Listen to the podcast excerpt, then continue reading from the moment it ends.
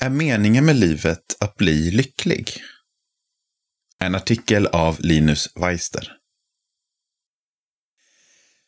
Många svenskar skulle nog svara ja på frågan i rubriken. Vad skulle du svara? Vad svarar Bibeln? Det finns ingenting i Jesus liv eller i Bibeln som säger att målet med livet är att bli lycklig. Därför är det väldigt lätt att tänka att Bibeln och kristendomen snarare gör människor olyckliga. Men om vi skulle fråga om Gud vill att vi ska vara lyckliga så är svaret ja. Det betyder att det alltså finns någonting som är större i livet än lycka. Lycklig och lyckad.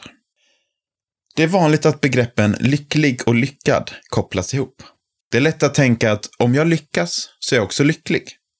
Vi binder samman vår bild av att lyckas med vår lycka och tänker felaktigt. Om jag har många vänner, bra betyg och fina kläder så lyckas jag och blir lycklig. Vårt samhälle är fullt av kriterier som avgör om en individ är misslyckad eller lyckad. Ibland är det väldigt små saker som kan få oss att känna oss misslyckade. När vi ser andra skratta eller göra häftiga aktiviteter medan vi har tråkigt så kan vi känna oss misslyckade. Vi kopplar alltså ihop lyckan eller olyckan med våra prestationer. Då blir jakten på lycka otroligt påfrestande eftersom lycka mäts genom jämförelse med andra och det tror jag inte att vi mår bra av. Bibelns perspektiv. I kontrast till detta finns Bibelns perspektiv. Bibeln berättar om att människan har fallit. Det betyder att alla människor egentligen är misslyckade. Att vända misslyckande till att lyckas kan vi inte göra genom egen prestation. Istället erbjuder Jesus oss att vara lyckade genom det han har gjort. I honom finns därför den största anledningen till verklig lycka. Lycklig och misslyckad. Utifrån Bibelns perspektiv blir meningen och målet med livet en relation med Jesus. Med det sagt är det absolut så att Gud vill att vi ska ha det bra. Gud vill att vi ska skratta och få möjlighet att vara med om häftiga saker. Gud är inte motståndare till nöje och kortvarig glädje. Men Gud har alltid ett långsiktigt perspektiv, något som vi människor är väldigt dåliga på att ha. Guds mål för människan är en evighet tillsammans med honom. Därför är framgång här på jorden inte så högt upp i prioriteringsordningen.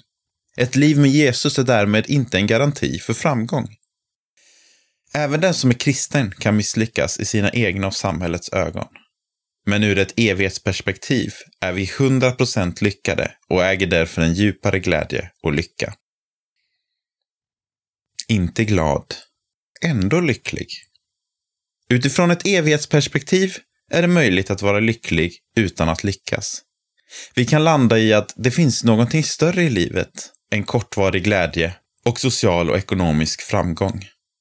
Kristna talar ibland om människor som kan vara fyllda av glädje utan att egentligen vara glada. Det låter konstigt, men det handlar om att det finns någonting djupare. En lycka som utgår från Jesus och inte från om livet just nu är roligt eller inte. Därför kan vi vara lyckliga, även om vi inte alltid är glada, inte alltid lyckas eller om vi drabbas av olycka.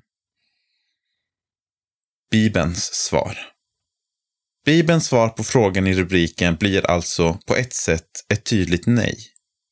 Men med ett evighetsperspektiv kan meningen med livet absolut vara att vara lycklig.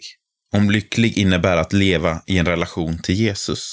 Tillsammans med honom kan vi möta både framgång och motgång och ändå vara lyckliga.